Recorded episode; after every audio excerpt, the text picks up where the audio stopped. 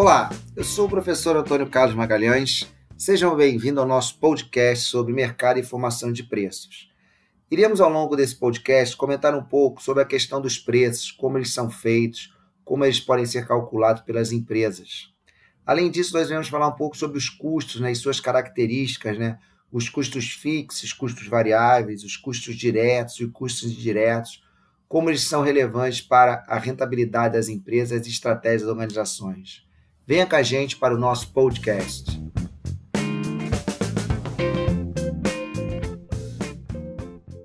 O preço é uma variável determinante no sucesso das organizações. Por quê? As empresas, organizações com fins privados e outras organizações, mesmo sem lucro, provavelmente elas vão vender algum tipo de produto ou algum tipo de serviço. E o valor desse tipo de produto ou serviço será determinante para a receita da empresa. A receita da empresa, nós iremos comentar mais à frente, ela vezes a quantidade, preço vezes quantidade, da receita da empresa. Daí teremos alguns impostos sobre essa receita e teremos a receita líquida. Ou seja, o valor que será dado ao preço é determinante. Iremos ver como é determinado esse preço, mas você tem que ter noção que a empresa geralmente deseja maximizar o seu lucro. Então, ela deseja obter o melhor preço possível com a maior quantidade possível. É claro que a gente sempre desejaria um preço muito elevado, como por exemplo, vou vender uma calculadora por 50 mil reais, mas aí não teria quantidade, porque ninguém pagaria 50 mil reais por uma calculadora normal. Então ele tem que combinar esse produto, preço vezes quantidade, que seja o melhor possível nós iremos ver que ele tem que realmente combinar o preço, a quantidade e também o seu custo, porque ele quer maximizar o lucro. E o lucro é a diferença entre a receita, o preço, a quantidade, os custos que a empresa tem e as despesas que a empresa tem.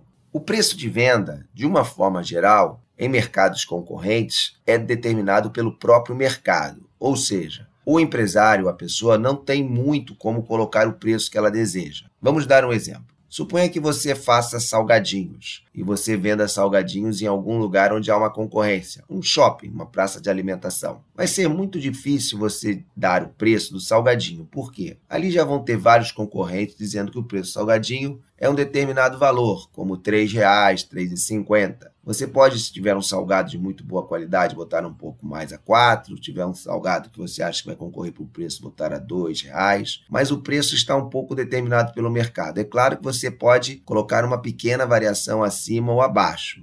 O que você tem que ter noção é que se você colocar um preço muito alto, no caso do salgadinho, por exemplo, a 10 reais, provavelmente vai ser muito difícil você vender esse salgadinho. É claro que o seu salgadinho tiver algum diferencial, farinha especial, tiver alguma característica que somente ele tem, geralmente os preços são mais elevados. Quando você está em uma outra situação em que existem poucos produtores, os poucos produtores geralmente eles têm o maior poder de preço, eles conseguem botar um preço que eles desejam. Isso não é muito adequado porque a lei de concorrência de mercado, ela não deixa você colocar talvez o preço que você deseja, mas quando o mercado tem poucos ofertantes, geralmente eles têm maior poder de colocar preço. Se você fizer um único produto, você for um monopolista, ou tiver um monopólio da venda daquele produto, que é muito difícil, mas a gente ainda existe mercados que têm isso, você tem o controle total dos preços. No Brasil, existe o CAD, Conselho Administrativo de Defesa Econômica, que tenta evitar essa característica de concentração de mercado, como monopólios, quando há somente um produtor, e oligopólios, quando há poucos produtores. Então, nesse caso, você pode tentar manipular o preço e colocar. Não é o correto legalmente. Então, você vê que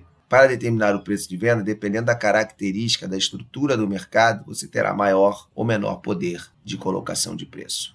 Nós temos alguns conceitos na área dos nossos gastos. Por que, que isso é importante? Para você ter uma noção de uma terminologia que é muito utilizada. Então vamos lá. Quando uma empresa gasta, faz um esforço para algo que ela precisa fazer para obter receita, nós estamos diante de uma despesa. Quando essa despesa ela está correlacionada com um produto que ela vende, com um serviço diretamente que ela vende, isso se recebe o nome de custo. Então vamos dar um exemplo. Suponha que eu tenho uma fábrica de ventiladores e eu compro aço para fazer ventiladores. esse aço é necessário porque eu preciso dele para fazer o ventilador. E ele está intimamente ligado ao produto, ventilador no caso. Logo, eu tenho aí um custo. Esse aço vai ser parte do meu custo. Quando eu tenho, por exemplo, o gasto com o setor de recursos humanos, que geralmente nem está localizado na fábrica, está localizado no centro, o que acontece? Eu tenho também um esforço, que é necessário no setor de recursos humanos. Preciso recrutar gente, eu preciso fazer treinamento. Então, eu tenho um gasto, mas esse gasto é uma despesa, no caso, uma despesa administrativa. Existe um outro tipo de gasto, é quando você gasta, geralmente, numa máquina, quando você gasta num investimento numa outra empresa que você necessita. Esse gasto, como o próprio nome fala, é um investimento, e esse investimento se caracteriza como um bem ou um negócio em que ele irá gerar frutos mais à frente na produção do seu produto. Esses bens, a gente vai ver mais à frente, eles são parte do seu ativo, dos seus bens e direitos.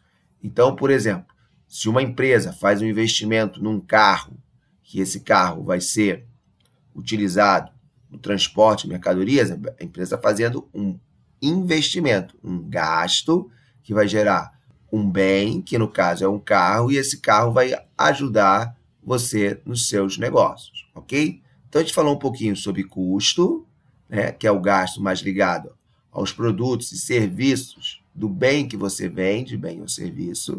Falamos da despesa, que são esforços necessários, mas não está ligado diretamente, no caso, ao bem que você está vendendo. O investimento, que geralmente você pode falar sobre máquinas, sobre outras empresas, sobre, por exemplo, um veículo, que são o quê? Bens, no caso, eu falei como máquinas, né? Que serão necessários para o aumento da produtividade da empresa. O custo fixo pode ser definido como aquele custo que ele fica estável independente do nível de atividade. Então vamos dar um exemplo. Suponha que você tem uma fábrica, e essa fábrica vai produzir ventiladores, e o que acontece? Ela está num galpão e você paga aluguel para esse galpão.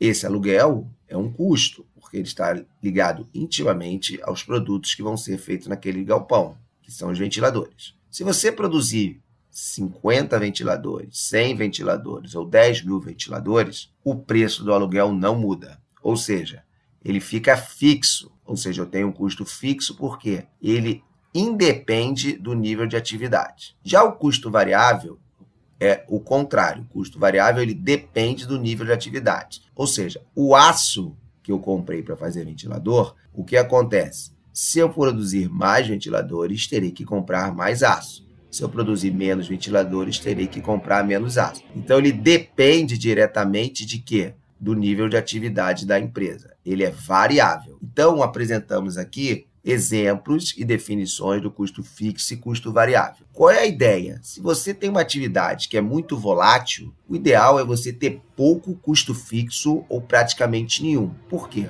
Quando tiver atividade, você vai ver que é mais interessante você contratar pessoas que não sejam funcionários, mas você contratar tipo pessoas que trabalham por temporada. Então, trabalhos que acontecem somente no verão, não é interessante ter custos fixos, porque senão você vai ter que pagar durante todo o ano aqueles serviços. Então é muito interessante essa questão da estrutura de custos na empresa, fixo e variável. Por quê? Pode ser decisiva para o sucesso da sua organização.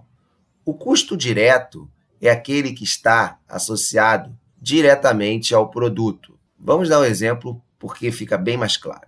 Suponha que você faça mesas. Então você compra madeira, você compra cola e você vai ver que essas madeiras e cola vão se unir e você vai fazer um produto que você vai vender. Então você está ligado diretamente ao produto. São custos, né? São um gasto necessário para o produto que você está vendendo. Agora, suponha a luz dessa fábrica de produção de madeira. Ela também é um custo, porque é um gasto necessário para a produção do produto.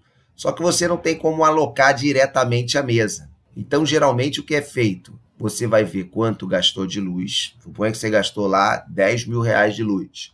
E quantas mesas foram produzidas? Foram produzidas 10 mil mesas. Então você vai alocar um real do custo da energia para cada mês. É um custo indireto, não tem como você alocar diretamente. Você faz um critério de rateio e você aloca isso ao produto. É um custo do produto? É, mas não é um custo direto, como a madeira e a cola. É um custo que é rateado pelo, geralmente, número de unidades, número de horas trabalhadas, número de pessoas. Você tem que ter um critério para ratear aquele custo indireto ao produto. Então, apresentamos as principais definições e exemplos de custo direto e custo indireto.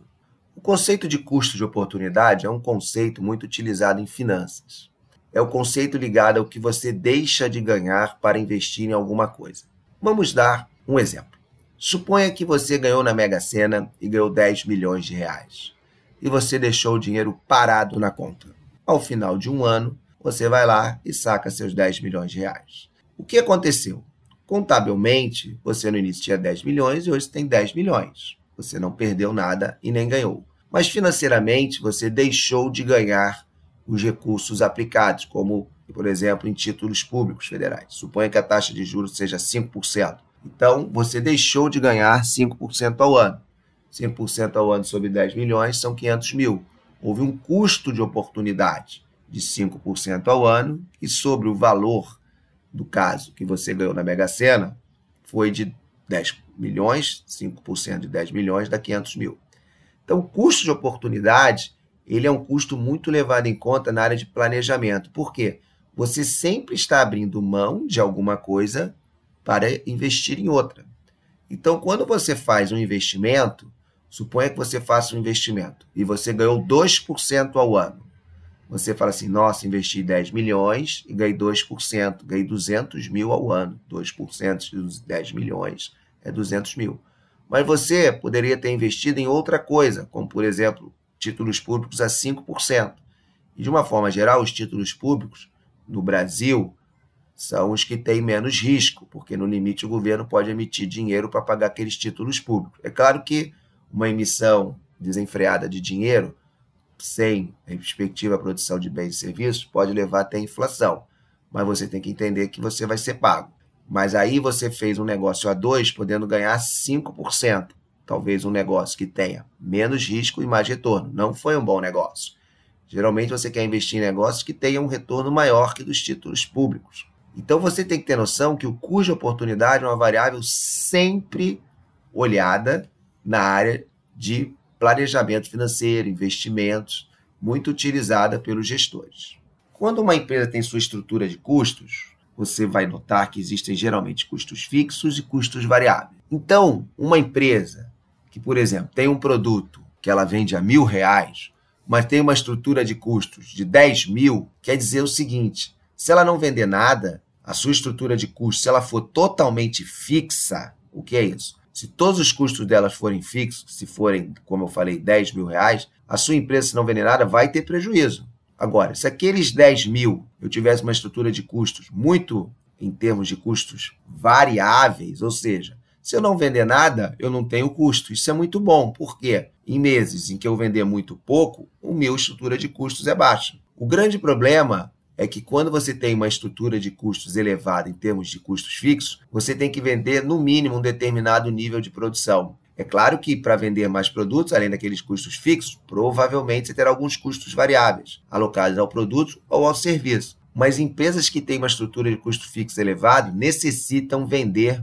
muita mercadoria para atingir esse ponto de equilíbrio. Em inglês, esse ponto de equilíbrio chama break-even point. Então é muito importante você ter noção que alguns negócios que têm custos fixos elevados terão que vender uma quantidade de produtos maior para que esse ponto de equilíbrio seja aceito. É claro que passando desse ponto, o ganho é elevado, porque o custo fixo fica parado, né? ele fica estável e praticamente você só tem o custo variável. E aí você geralmente começa a ter ganhos, lucratividades maiores para as empresas.